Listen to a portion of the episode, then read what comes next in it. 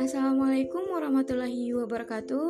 Hello everyone, welcome back to my podcast. This is me, Lupus Amelia. On this podcast, I'm going to talk about the outline of my previous essays. In this week, I just reading and listening to videos. The first video talked about how to easily kickstart a healthy lifestyle fast.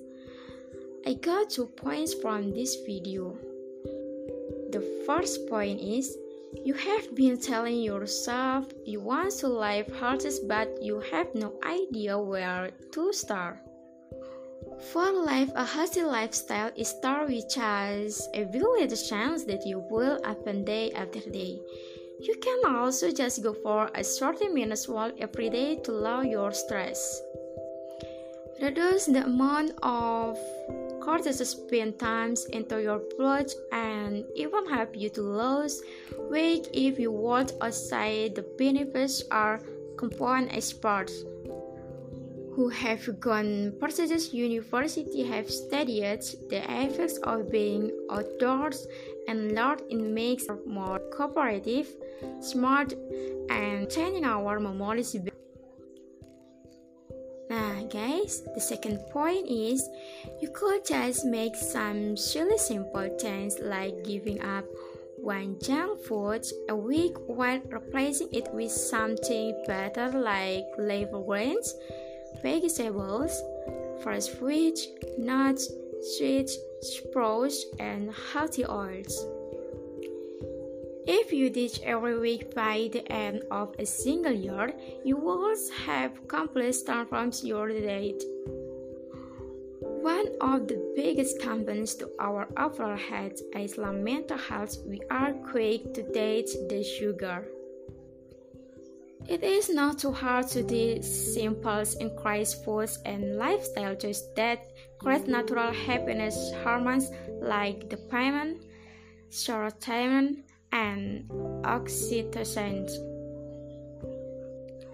That means you can eat dark chocolate loud as often as possible and as probiotics to your gut to feel like every day is a good day.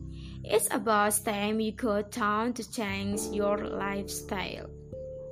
Nah, guys, in second video talk about healthy public policy and healthy to base in GDS. Cardiovascular disease, diabetes, cancer, and chronic respiratory disease are known as non-communicable disease.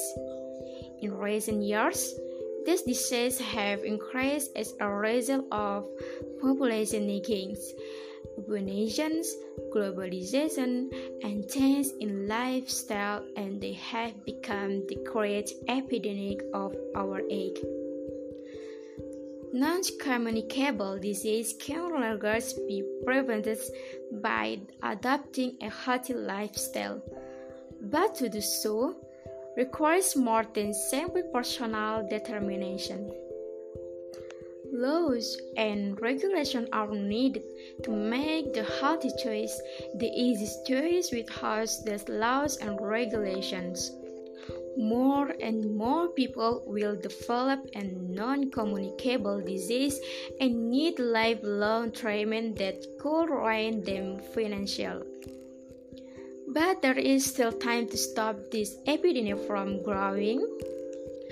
Governments should ensure access to health service for its population, concluding access to early detection of disease, diagnosis, medicines, and treatment.